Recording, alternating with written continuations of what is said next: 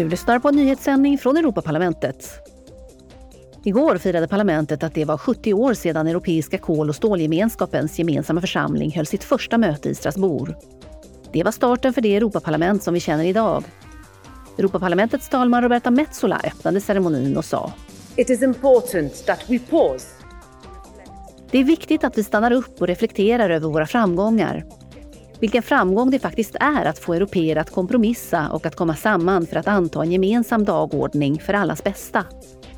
Vilken framgång det faktiskt är att göra denna plats vi delar lite säkrare, lite rättvisare, lite jämlikare. Vilken framgång det också är att bygga en union på rättigheter, värden, solidaritet, jämlikhet, fred och hopp. Of equality, of peace, of hope. På plats i kammaren fanns kommissionsordförande Ursula von der Leyen och premiärministrarna från parlamentets tre värdländer, Frankrike, Belgien och Luxemburg. Under plenarsammanträdet antog ledamöterna en ny EU-lagstiftning som ska tvinga alla stora börsbolag att säkerställa jämställdheten runt styrelseborden.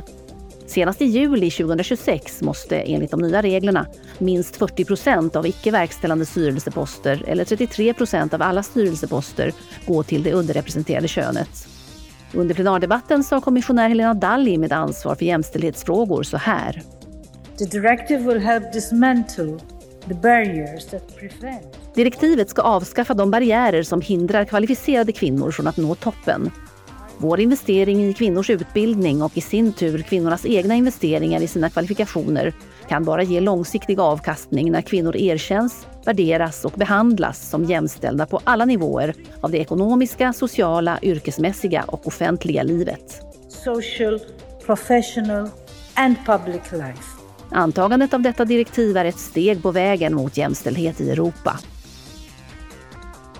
Under denna plenarsession diskuterade ledamöterna också hur man ska reagera på det ökande våldet mot protesterande i Iran. Under sitt öppningsanförande sa talman Metsola att Europaparlamentet bestämt motsätter sig dödsstraff och det våldsamma förtrycket av legitima protester. Sen tillade hon som svar på de oacceptabla iranska sanktionerna mot ledamöter av denna kammare Låt mig meddela att det tills vidare inte kommer att finnas någon direkt kontakt mellan Europaparlamentet, delegationer och utskott och officiella iranska motsvarigheter. Vi kommer inte att vända ryggen mot dem som ser till oss från Irans gator. Vi är med er. Vi kommer att förbli vid er sida. Demonstrationerna i Iran har pågått i över två månader nu. Över 300 människor har dött på grund av regimens brutala förtryck och minst fem personer har dömts till döden.